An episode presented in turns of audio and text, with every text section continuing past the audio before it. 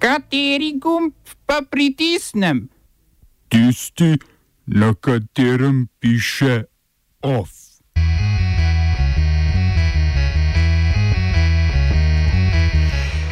V Indiji že drugi dan stavka in protestira 200 milijonov ljudi. Globa za avtomobilski kartel v Italiji. Ladjama človekoljubnih organizacij Sea-Watch in CI po dobrih dveh tednih dovoljeno pristati na Malti. V kulturnih novicah pa o sodobni slovenski fotografiji v Masumu in mlado slikarstvo v dobri vagi.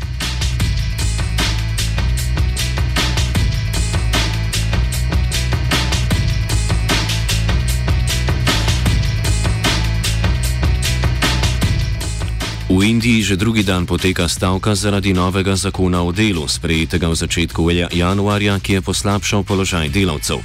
Proteste, ki se jih je udeležilo okoli 200 milijonov ljudi po celi Indiji, organizira deset osrednjih indijskih združenj sindikatov.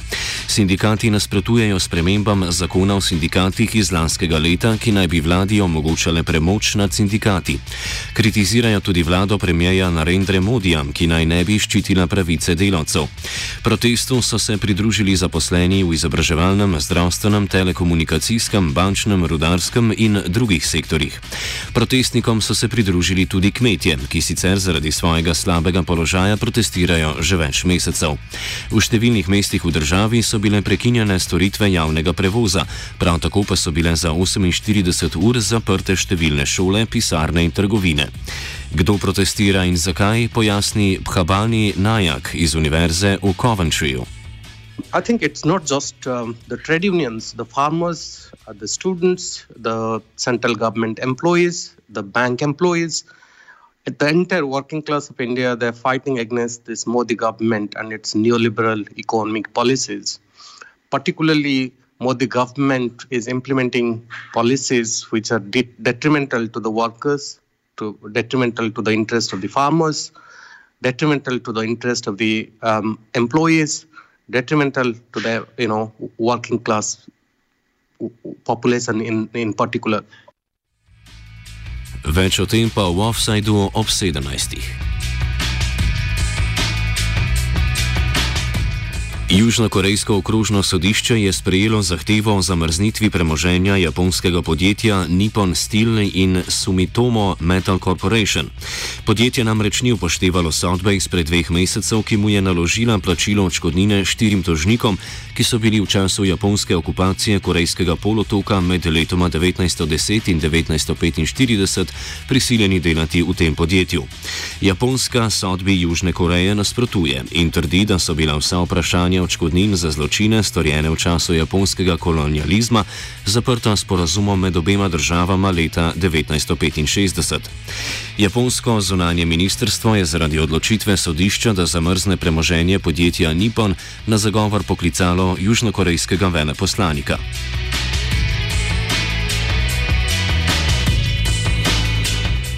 Kazahstansko zunanje ministrstvo je sporočilo, da bo kitajska vlada približno 2000 Kazahom na kitajskem dovolila, da zapustijo državo.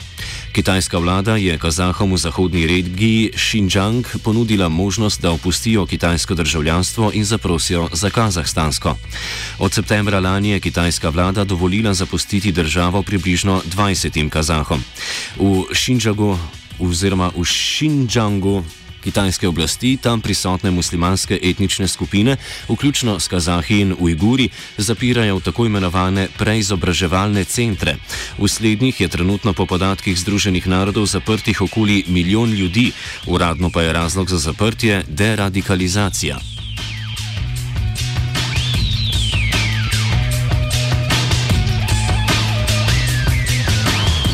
Mozambiško generalno toživstvo je 18 ljudi obtožilo goljufije in zlorabe moči, vključno z nekdanjim finančnim ministrom Manuelom Čangom.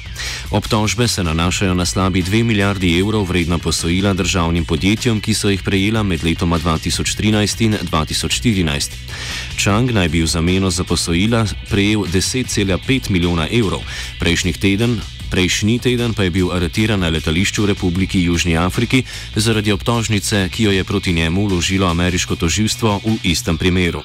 V Združenih državah Amerike je toživstvo tožbo vložilo še proti trem bančnikom švicarske banke Credit Suisse, ki so mozambiškim državnim podjetjem odobrila sporna posojila.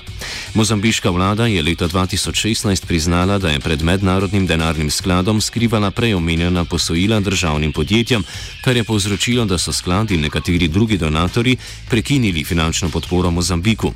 Sledila sta hud padec vrednosti mozambiške valute in gospodarska kriza.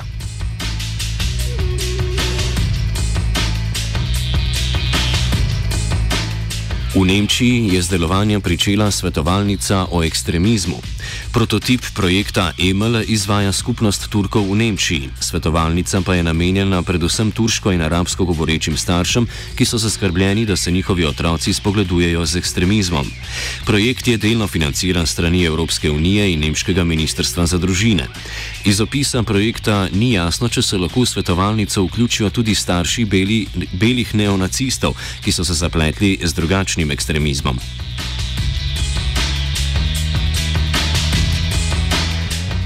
Italijanski varuh konkurence je večjim proizvajalcem avtomobilov in z njimi povezanih bank izrekel finančno kazen v višini 678 milijonov evrov. Med obtoženimi so veliki proizvajalci avtomobilov, kot naprimer BMW, Fiat Chrysler, Ford, Toyota, General Motors in drugi. Med njimi in bankami ter trgovinskimi združenji naj bi med letoma 2003 in 2017 veljal kartelni dogovor, po katerem naj bi banke kupcem vozil ponujale kredite izva, izvajala pa naj bi se tudi izmenjava občutljivih informacij o količinah in cenah vozil. Kartelno dogovarjanje sta prijavila nemški Daimler in njegova italijanska podružnica Mercedes-Benz, ki sta v kartelu tudi sodelovala. V zameno za informacije pa sta dobila imuniteto.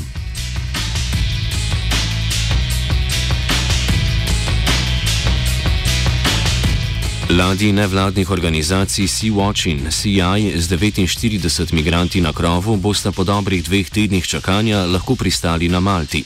Dovoljenje za pristanek sledi dogovoru med Malto in osmimi državami Evropske unije o sprejetju 249 migrantov, ki se nahajajo na Malti. Po njem naj bi Nemčija, Francija, Portugalska, Irska, Romunija, Luksemburg, Nizozemska in Italija sprejele 176 migrantov, na Malti pa naj bi jih ostalo 78. 44 migrantov iz Bangladeša, ki v ta dogovor niso vključeni, bodo vrnjeni v to južnoazijsko državo.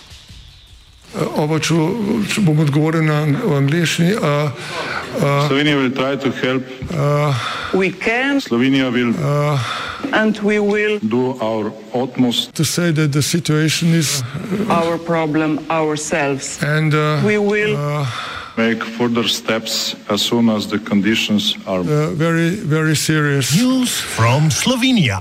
We know how and we will. Kopersko podjetje Tomos svojim delavcem danes vroča odpovedi pogodb o zaposlitvi.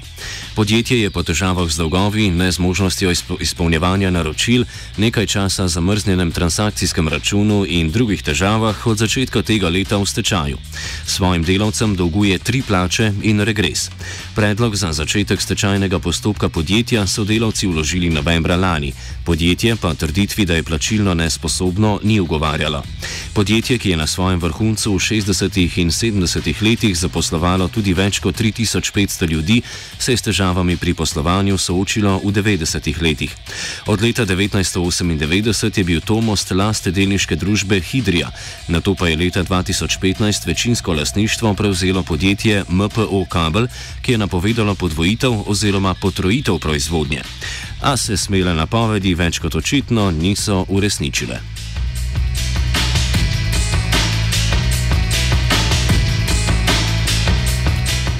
Off sta pripravila vajenec Tilen in Lana. Off.